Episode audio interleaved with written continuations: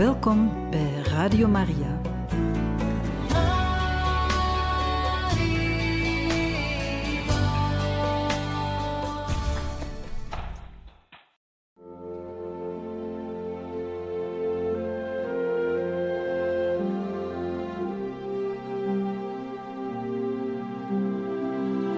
Beste luisteraars van Radio Maria, welkom bij het programma Catechismus. Een overweging bij de geloofschat van de kerk.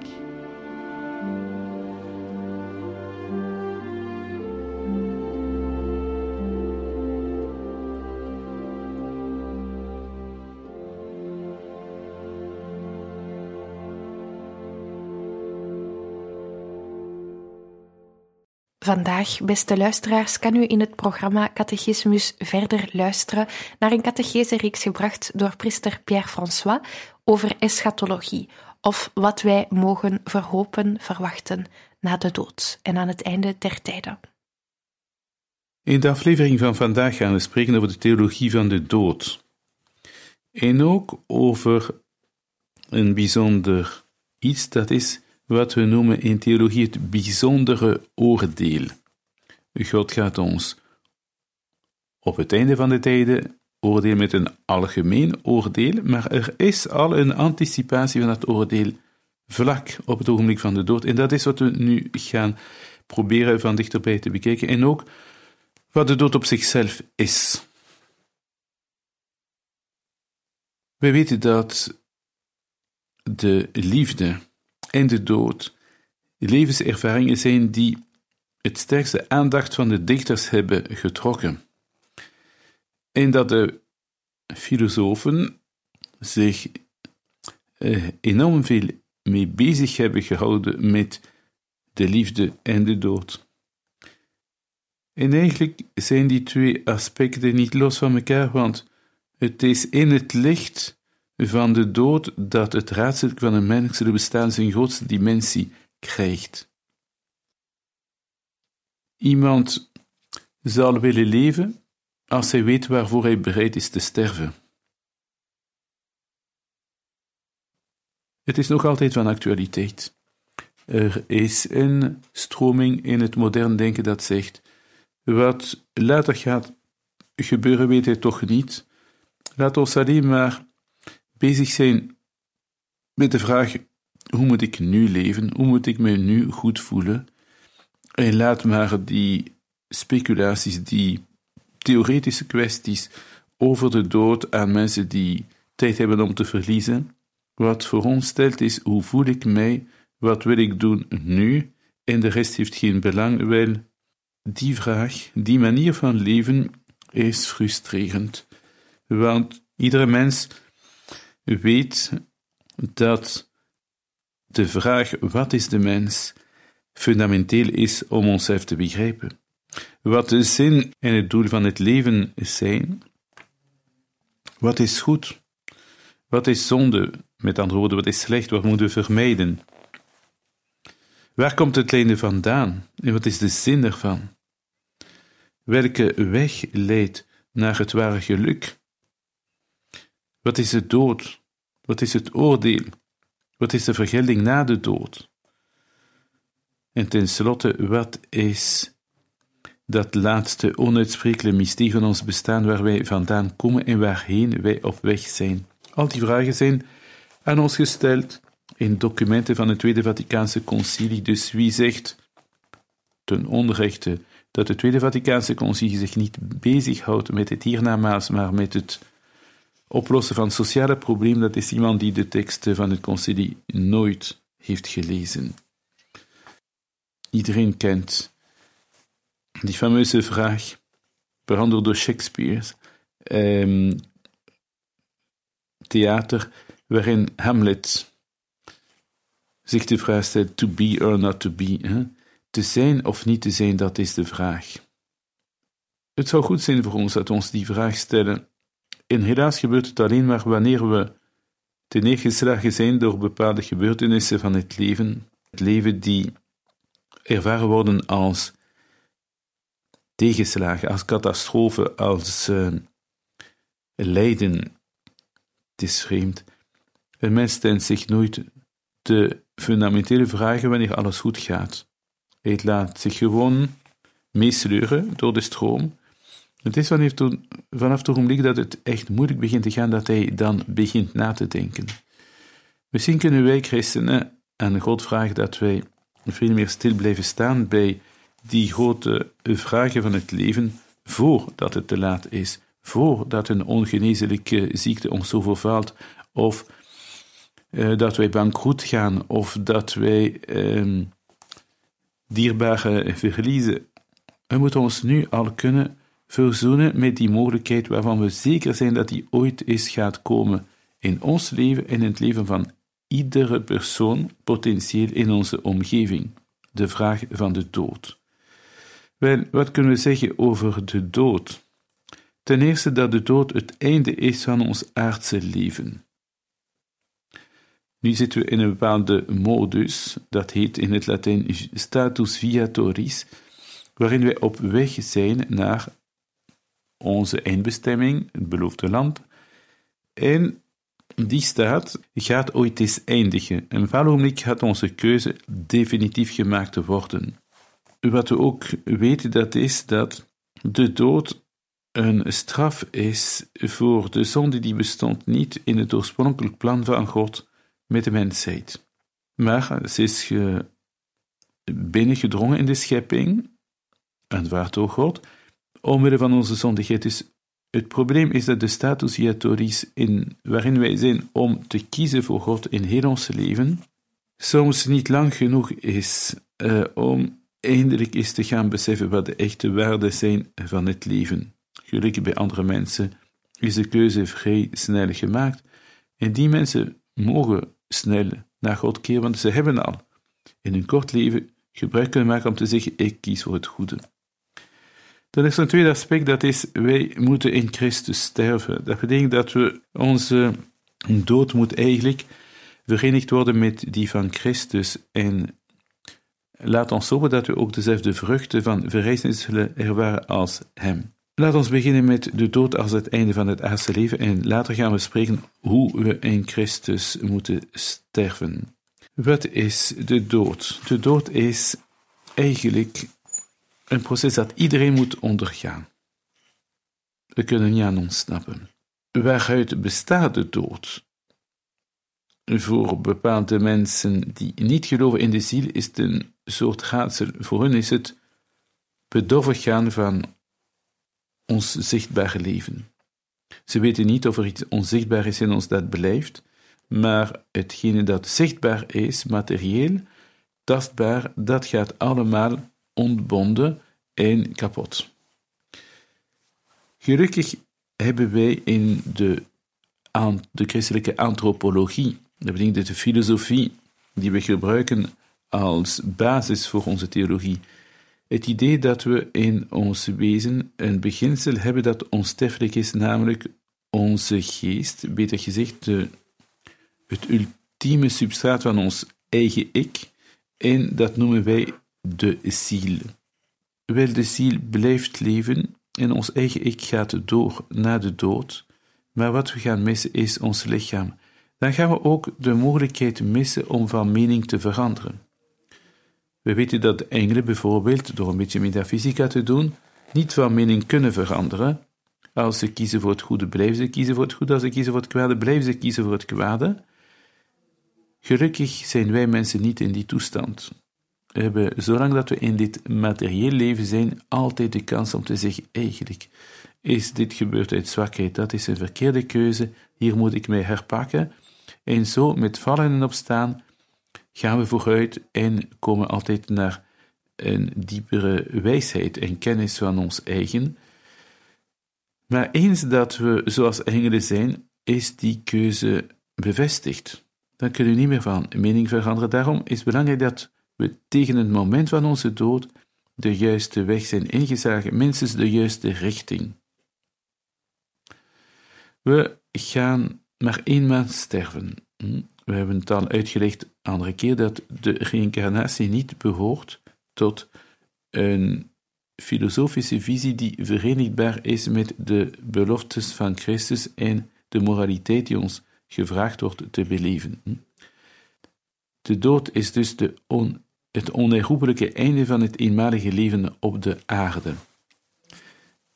Paulus zegt, of de auteur van de brief van de Hebreeën, we weten niet met zekerheid of dat dezelfde persoon is, het is het lot van de mens eenmaal te sterven. En als gevolg leert de catechisme de katholieke kerk, de dood is het einde van de pelgrimstocht van de mens op aarde. Van de tijd van genade en barmachtigheid, die God hem schenkt om zijn aardse liefde te verwezenlijken, overeenkomstig het goddelijk heilsplan, en om over zijn uiteindelijke bestemming te beslissen. Einde citaat.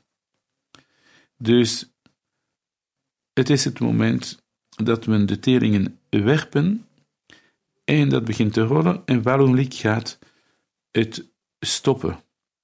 Dat is het moment van de dood. Dat is wat wij zullen hebben.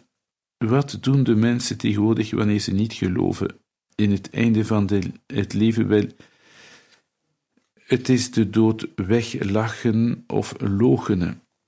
Het is logisch dat de vijand van de mensheid, die ooit eens Adam en Eva heeft bedrogen met een leugen, jullie zullen niet sterven, dat hij alles in het werk stelt om de mensen de dood te doen vergeven. Er zijn mensen, ja, die, die lachen met de dood. Ik denk dat het uh, onchristelijk fenomeen van Halloween hm, uh, daar een illustratie van is. De mensen zijn eigenlijk doodsbang voor de dood, maar ze willen het niet toegeven.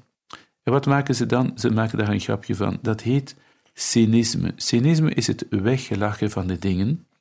Cynisme is een vorm van hoogmoed. Het geeft u een goed gevoel. Haha, ik sta daarboven. Och, geloven jullie nog altijd in die uh, dingen? Een cynicus hoeft niet eens te bewijzen dat hij gelijk heeft, want hij vindt dat dat gewoon tijdverlies is te denken aan God. Het is allemaal, zoals de, Engelen, de Engels sprekende mensen zeggen, bigotry. Hè? Het is een zaak van kwezels. Hè?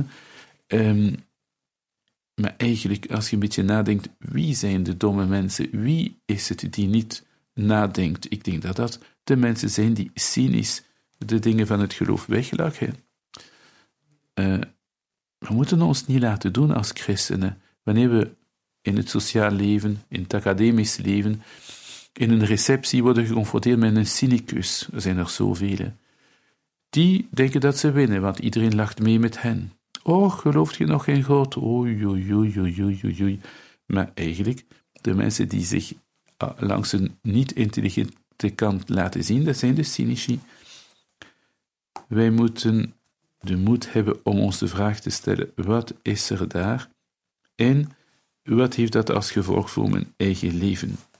Terloops gezegd, ik maak daar geen drama van als ik zie dat mensen uit onwetendheid Halloween vieren, maar ik raad ze toch heel sterk af om al die dingen te doen. Zelfs christenen soms kunnen het idee hebben om als decoratie in huis een aantal Halloween-motieven te gebruiken. Ik weet echt niet of dat een goed idee is voor de christen, maar begrijp me niet verkeerd, ik denk niet dat we daar een heilige oorlog van moeten maken. Want dat zou pas een overwinning zijn voor de duivel, te laten denken dat al wie Halloween viert al een prooi is van de duivel. Ik denk wel dat hij dat leuk vindt, de duivel, hè, dat we met Halloween bezig zijn, omdat dat een officiële manier is om dat cynisme te incarneren. Ik lach met de dood, terwijl de dood eigenlijk niet een monster is, een soort heks die ik moet weglachen, maar de dood is een geallieerde.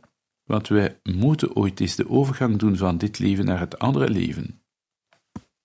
Laat ons positief zijn, ook Laat ons doen wat ik heb zien gebeuren bij veel plaatsen, onder meer in Duitsland.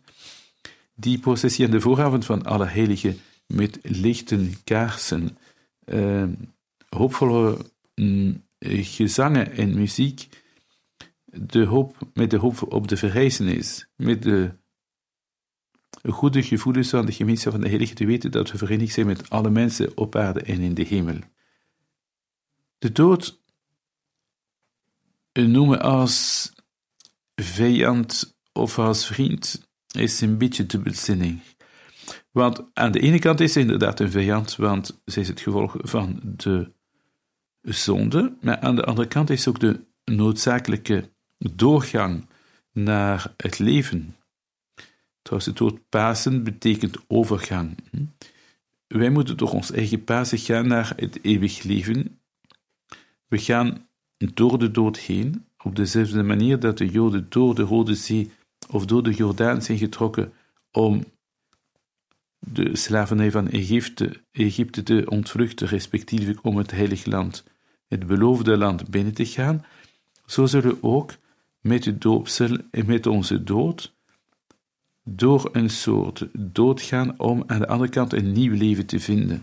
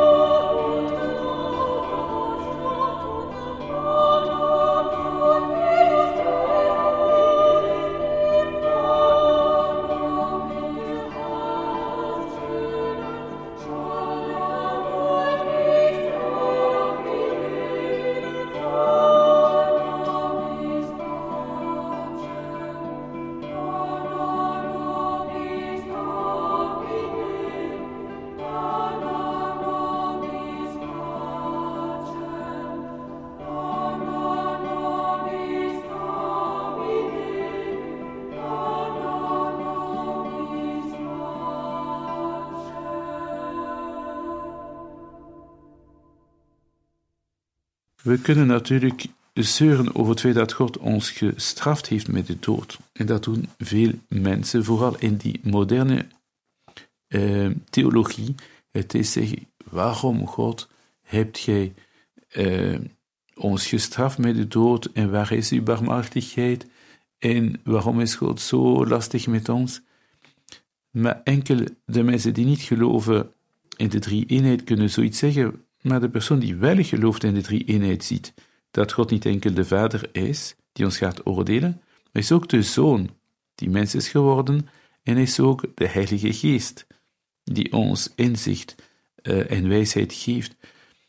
God is in onze plaats de dood gaan ondergaan op het kruis, om ons te verlossen juist van die dood zonder betekenis is tot het diepste van de ellende gegaan. Mijn God, mijn God, waarom hebt gij mij verlaten? Hij is verrezen, en met die verrijzenis krijgen wij dus die overvloedige hoop en optimisme die komt van het feit dat de dood overwonnen is door de dood van Christus. In de eerste brief aan de Corinthiërs roept de heilige Paulus uit: Dood, Waar is uw overwinning? Dood, waar is uw angel? Een eigentijdse uh, volkengroep heeft daar een liedje over gebracht, waar ze dat zingen in het Engels, en waar ze uiting geven aan hun geloof door deze woorden van Paulus te herinneren, want die woorden vertolken wat heel de gelovige gemeenschap gelooft, namelijk de dood is verslonden, de zege is behaald. En hier citeer ik weer eens diezelfde brief van de apostel Paulus. Welke zegen is dat? Wel, Christus uh, is uit de doden opgewekt, hij sterft niet meer, en daarom heeft de dood geen macht meer over Christus. En wij weten dat wij geassocieerd zullen worden met Christus.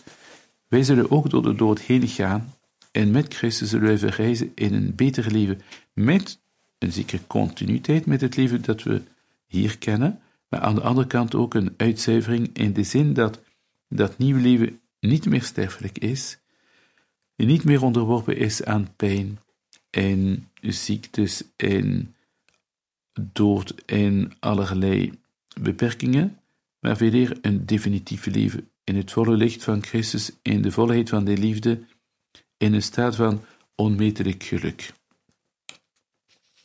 Eigenlijk heeft Christus door zijn verrijzenis nieuw leven geschapen. Daarom is hij ook beschouwd door de christelijke theologie als de nieuwe Adam. De eerste Adam heeft ervoor gezorgd dat we een sterfelijk uh, leven hadden. De nieuwe Adam Christus zorgt ervoor dat dat sterfelijk leven kan omgezet worden in eeuwig leven, indien wij met en in Christus zullen sterven. In het boek der Openbaring wordt de uitdrukking sterven in de Heer gebruikt. Of de eerste Christus zeide soms dat de mensen in de Heer rusten. Hij is ontslapen in de Heer. Wel, wat moeten we daarmee eh, begrijpen? Dat is dat ons leven niet meer prijs wordt gegeven aan de wanhoop en de angst, maar dat wij eigenlijk de hoop mogen hebben. Wat zeg ik mogen hebben? Moeten hebben. De hoop is een deugd. Dus we moeten al het mogelijke doen om die deugd te beleven. Het is weliswaar een ingestorte deugd, een goddelijke deugd die wij niet met eigen krachten kunnen opwekken.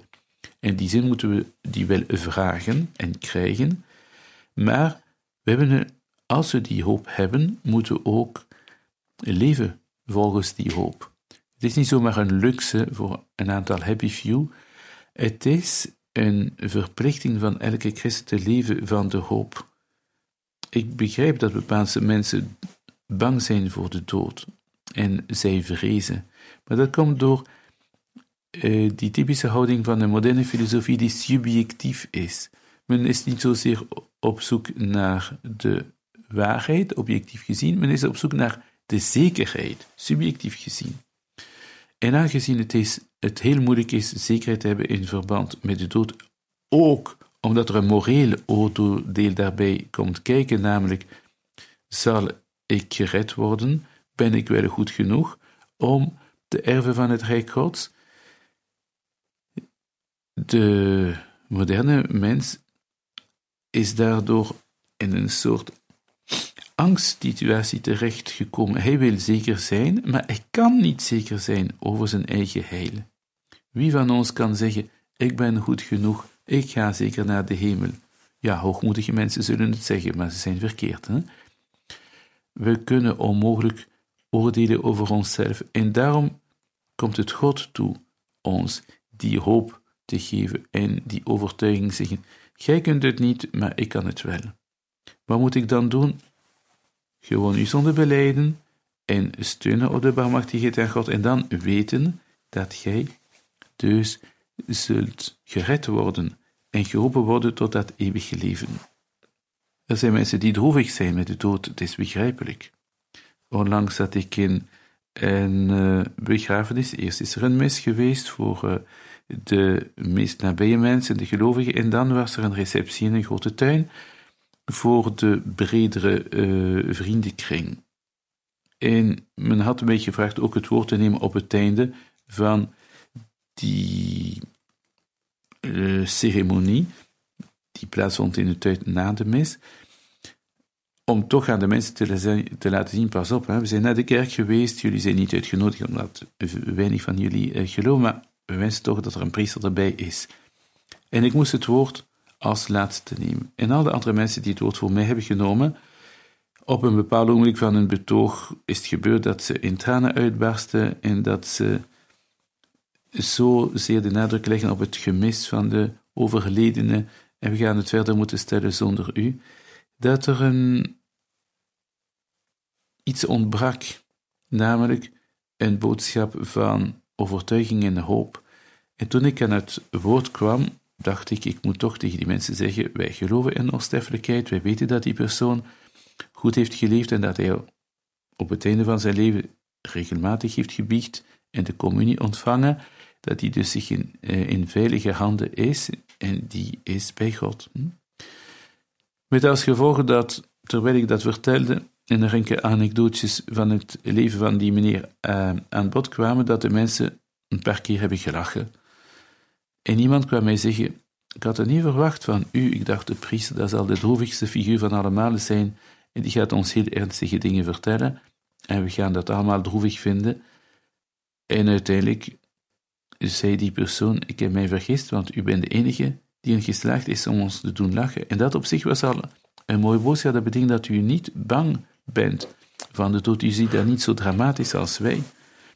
We laten ons God danken inderdaad dat wij gelovigen soms een veel serenere houding kunnen hebben. Hoe dikwijls is niet gebeurd in de begrafenis van een persoon die heel christelijk was, in een heel christelijke omgeving heeft, dat er veel meer sereniteit, veel meer vreugde te ademen is dan in een plechtigheid met mensen zonder geloof, die alleen maar kunnen wenen over hè, het verdwijnen van iemand, omdat ze geen rekening houden met het feit dat die persoon uh, dus getreden is in een nieuwe realiteit, waar we ooit eens ook naartoe zullen gaan en we elkaar opnieuw zullen zien. Dus leven betekent eigenlijk op weg gaan naar de dood, waarin het moment waarop de meest fundamentele beslissing zal gemaakt worden over onze eeuwige toekomst. Doe je mee of doe je niet mee? De beste manier om dat te doen is niet wachten op het laatste minuut en dan vlug om het ding in orde te zetten. Want dat zou betekenen dat we weinig liefde tot God hebben en weinig vertrouwen hebben in het hiernamaals. We zouden bijna zeggen: hier amuseren we ons goed, in de hemel, wie weet, misschien is het saai. Terwijl de realiteit totaal omgekeerd is, hier is het redelijk saai. Zelfs de mensen die denken dat ze zich groot amuseren, soms vervelen ze zich als oesters, dat is ongelooflijk. Maar als we het leven anders bekijken, dan kan dit leven heel mooi zijn in een fantastische voorbereiding op het andere leven. Ik was niet zo lang geleden in een aanbidding met ehm, jonge meisjes, Europa-gidsen, leidsters en toekomstige leidsters. En er werden een aantal teksten gelezen tijdens de Eucharistische aanbidding met biechtgelegenheid. En een van die teksten kwam van de heilige Jozef Maria, de stichter van het Opus Dei, die in een heel kernachtige idee kon zeggen: Ik geloof dat de mensen, dat die mensen zullen genieten van het, de eeuwige, het eeuwige geluk, precies dezelfde mensen zijn die in staat zijn om in dit leven ook gelukkig te leven. Met andere woorden, willen we gelukkig zijn in de hemel, laat ons nu heilig leven. En we zullen nu al iets proeven van dat geluk dat we later in volheid zullen hebben. En dat is ook ergens logisch. Het leven heeft een zekere continuïteit. Wij zullen dezelfde ik zijn. Wij zullen dezelfde persoon zijn. We zullen verlost zijn van allerlei kleine kanten van onze mensheid, ziektes, zwakheden en sterfelijkheid uiteraard, hm, en zondigheid. Maar voor de rest zijn er heel veel dingen die dezelfde zullen zijn. De schoonheid van een zonsondergang hoeft niet eh, afgeschaft te worden in de nieuwe schepping van God. De schepping komt uit de handen van God en is gemaakt voor die eeuwige bestemming. We gebruiken die nu al met een aantal intuïties van wat er later zal gebeuren, maar wanneer we het zullen zien zoals het is, zullen we verbaasd zijn dat het nog mooier is dan al het mooiste dat we ons hebben ingebeeld. Wat gaan we dus doen in dit leven? De tijd benutten. Omdat we niet weten wanneer die tijd eindigt, moeten we tot ieder moment bereid zijn om te vertrekken. Een vrome priester die ik heb kunnen begeleiden tot de laatste dagen van zijn leven, zei tegen mij na een vrome biecht, na de biecht, hè, was het in de biecht, dan had ik u niks verteld. Maar hij zei, ik sta klaar, mijn koffers zijn gemaakt, onze lieveneer kan mij komen halen wanneer hij wil. Is dat niet een mooie manier om vredevol te leven op aarde, met die overtuiging? God kan mij komen halen wanneer hij wil, ik sta klaar, mijn koffers zijn opgemaakt, ik ben bereid om de grote sprong te doen. Want dan zitten we ook met het belangrijkste bezig. Niet bepaalde vragen die ons bezig mogen houden, maar waarvan de uitkomst onzeker is. Hm? Gaat het bedrijf waarover wij werken nog bestaan binnen enkele maanden? Gaan mijn gezinsleden nog in leven zijn of ik zelf binnen enkele jaren? Dat weten we allemaal niet. Ik denk dat zeker als ik nu heilig en goed leef, bouw ik een aantal deugden op en die deugden zal ik meenemen in het andere leven. Dus iemand die heel edelmoedig zal zijn hier op aarde, zal heel veel genieten van God. Iemand die maar half edelmoedig is, hier met zijn liefde, zal maar half van God houden. Iedereen zal gelukkig zijn, maar sommigen meer dan anderen. Laat ons profiteren van ieder moment, iedere minuut die voorbij gaat, weten dat elke minuut een weerklank heeft in de eeuwigheid. Denk aan die parabel van die man die een rijke oogst had binnengehaald. Ik lees het uit het evangelie van Lucas. Het land van een rijk man had een grote oogst opgeleverd. Daarom overlegde hij bij zichzelf: Wat moet ik doen? Ik heb geen ruimte om mijn oogst te bergen. En hij zei: Dit ga ik doen. Ik breek mijn schuren af en bouw een grotere. Daarin zal ik dan heel mijn rijkdom aan koren bergen. Dan zal ik tot mezelf zeggen: Man, je hebt een grote rijkdom liggen voor lange jaren. Rust nu uit, eet en drink en geniet ervan. Maar God sprak tot, de, tot hem: Dwaas, nog deze nacht komt men je leven van je opeisen. En al die voorzieningen die je getroffen hebt, voor wie zijn die dan? Zo gaat het met iemand die schatten vergaat, vergaart voor zichzelf, maar niet rijk is bij God. Tot zover het evangelie volgens Lucas. Rijk zijn voor God. Wat betekent dat? Dat betekent uh, goederen opstapelen die nog altijd zullen bestaan wanneer we in het andere leven zullen zijn. En dat, is heel simpel, dat zijn de deugden met bovenaan de liefde. Veel geld verdienen, dat helpt niet. Het enige dat helpt bij veel geld verdienen, als we dat eerlijk hebben verdiend, dat is dat we hard gewerkt hebben. En hard werken, dat is wel iets dat ons heiligt. Of eerlijk zijn, want dat rendeert ook. Maar niet omdat het geld opbrengt, gaan we eerlijk zijn, omdat God het behaagt en dat we kinderen van God zijn. Dus de inhoud van wat we moeten opstapelen om mee te nemen naar het andere leven zijn eigenlijk die deugden. En die deugden maken ons uiteraard gelukkig hier op aarde. Het is toch zo aangenaam om om te gaan met deugdzame mensen. Mensen die stipt zijn, mensen die vriendelijk zijn, mensen die orde hebben, mensen, ik weet niet of in welke mate het een deugd is of gewoon een kwestie van menselijk gezond verstand, maar mensen die ook hygiënisch en zichzelf verzorgen, wel, dat maakt allemaal het leven aangenaam. Wel, dat is die heilige die God van ons vraagt, leef goed vandaag. Dat is de tijd benutten. Leef goed vandaag. Word heilig vandaag. Bid vandaag. Niet morgen of volgende week ga ik daarmee beginnen. Zoals de mensen die altijd zeggen, ik ga op dieet. En waarom eet je dan uh, dat gebakje? Nee, omdat mijn dieet maar pas morgen begint. En zo stelt het altijd maar uit, uiteraard. Een van de deugden die de christen ontwikkelt is de hoop en het vertrouwen. Vertrouwen in mensen is niet wijs, want iedereen kan ons bedriegen en dat gebeurt helaas maar te dikwijls. Maar God, die gaat ons nooit ontgoochelen en God vraagt ons juist, vertrouw de mensen. Want het is geen manier te leven als we de mensen niet kunnen vertrouwen. En dit is opnieuw een inzicht dat we krijgen dankzij het feit dat we geloven in de eeuwigheid. Dan beginnen wij te begrijpen dat vertrouwen geen tijdverlies is. Ik vertrouw niet de mensen omdat dat rendeert, ook al rendeert het soms. Ik vertrouw de mensen omdat God dat wil en omdat God mij vraagt mijn ziel voor te bereiden op het toekomstig leven. En dat is voor een stuk hoop en vertrouwen, wetend dat God een betere hemel en betere aarde voor ons is voorbereid en dat Hij ons vraagt ons daarop voor te bereiden met onze, ons deugdzame leven. Voordat we afsluiten, wil ik nog iets vertellen over het bijzondere oordelen. Alle christenen weten dat we onmiddellijk bij onze dood zullen beloond worden. Hoe weten we dat? Ook dankzij die um, volksdevotie die weet dat de heiligen meteen na hun dood beginnen een rol van voorsprekers uh, in te vullen. Dat betekent dat ze al ergens hun eindresultaat hebben. Ze weten al dat God ze geheiligd heeft. En ze kunnen dus voor ons werken.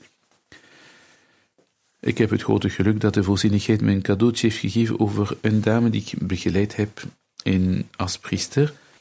Vanaf de dag van haar dood zou ik niet durven zeggen, maar vanaf de dag van haar begrafenis mij heeft bijgestaan als een engeltje in de hemel, als een heilige die bijzonder gehecht was uh, aan haar voormalige biechtvader. En ik uh, moet God danken dat ik dankzij die dame een aantal gunsten heb gekregen waarvan de statistiek me zegt dit is onmogelijk. Dat kan geen toeval zijn.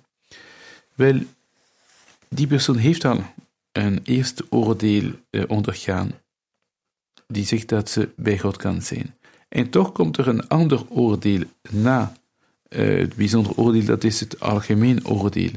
Ik ga het een beetje anticiperen. Mm, het algemene oordeel houdt ook rekening met dingen en goede dingen die we gaan, die we hebben gedaan, die nog vruchten dragen na onze dood. Natuurlijk, bij het bijzonder oordeel zijn die vruchten nog niet zichtbaar, want we zijn pas gestorven. We krijgen wel de hoofdbeloning, we zitten bij God, maar al het goede dat wij nog zullen doen na onze dood, dankzij de goede dingen die wij gezaaid hebben hier, dat gaat er nog bij komen later. En men zegt dat er een algemeen oordeel is op het einde van de tijden. Zijn deze vragen nu van belang? Bijzonder oordeel, algemeen oordeel? Ja en nee. Ja, omdat we moeten geloven dat uh, Jezus op het einde van de tijden alle mensen gaat oordelen. Dus indien het ge open, openbaard is, dan betekent dat het toch een zekere vorm van belang heeft. Maar aan de andere kant, och, laat het oordelen aan God. Probeer, laat ons proberen niet te veel tijd daarmee persoonlijk te verliezen. Wat telt is weet dat God ons gaat oordelen. En of het gebeurt in één of twee stappen, wat verandert dat voor ons? Eigenlijk heel weinig. Wat wel van belang is, dat is dat we weten dat God ons gaat vergelden. Dat is trouwens belangrijk om echt vrij te zijn. De mensen zeggen: je bent vrij, maar je bent niet vrij van de gevolgen van je beslissingen. Het is belangrijk dat we zien dat de vrijheid verbonden is met verantwoordelijkheid. We zijn pas vrij wanneer we de daden kunnen stellen die gevolgen hebben. Ik weet dat er bepaalde mensen dromen van een soort vrijheid waarin ze geen enkel gevolg hebben van hun daden, maar dat is geen vrijheid, dat is gewoon onverschilligheid. De echte Vrijheid is, ik ben vrij om bepaalde keuzes te maken, maar ik ben niet vrij van de gevolgen van die keuzes. Als ik kies voor moordenaar, dan weet ik dat ik zelf ook ga sterven, dat ik misschien ter dood ga veroordeeld worden en dat de God mij, zolang ik daar geen spijt van heb, het eeuwige leven niet kan geven. Hm? Dus er is een oordeel of het nu vlak na de dood gebeurt of het einde van de tijden, maakt niet zoveel uit. Wat telt is te weten dat het, zolang we in het leven zijn, nooit te laat is om ons te bekeren. En gelukkig hebben we een prachtig voorbeeld, dat is die goede rover, die goede moordenaar die naast je hing aan het kruis. Hij zei tegen de Heer, denk aan mij als je komt in uw koninkrijk. En je zegt vandaag nog, zult gij met mij zijn in het paradijs. Wel, die man had begrepen dat God ons gaat oordelen, maar dat die God ook barmachtig is. En in de mate dat we aanvaarden dat Christus hm, gestorven is voor ons, maar we altijd een kans op de laatste fractie van een seconde van ons leven om te zeggen: Heer, ik vraag je om vergeving en ik wil sterven in Christus, namelijk ik wil hm, al die weldaden van de verrijzing van Christus ook krijgen over mijn leven. Uh, veel mensen gaan naar de dood toe met angst, wij christen gaan naar de dood toe met hoop. Maar we weten ook dat het belangrijkste voor ons, dat is de genade van de eindvolharding. Dat wij zouden leren leven met de grootste prioriteit. Mijn leven moet eindigen in de handen van God. En om zeker te zijn dat het zo gebeurt op de laatste dag van mijn leven hier op aarde, wil ik nu al beginnen, want ik weet niet welke de laatste dag is. En zo kan ik hier en nu, vandaag zeggen, Heer, hier ben ik. Ik ben bereid om te leven zoals jij dat wil. En ik verlang naar die um, eeuwige belofte die ons gegeven hebt in wat er gaat gebeuren na onze dood.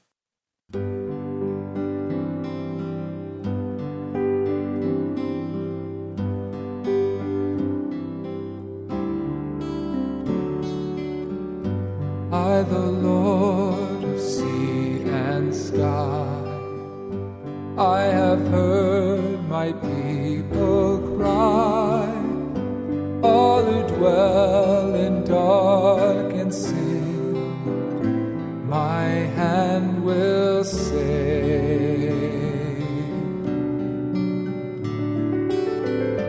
I who made I will make their darkness bright. Who will bear my light to them? Whom shall I send? Here I am, Lord. Is it I,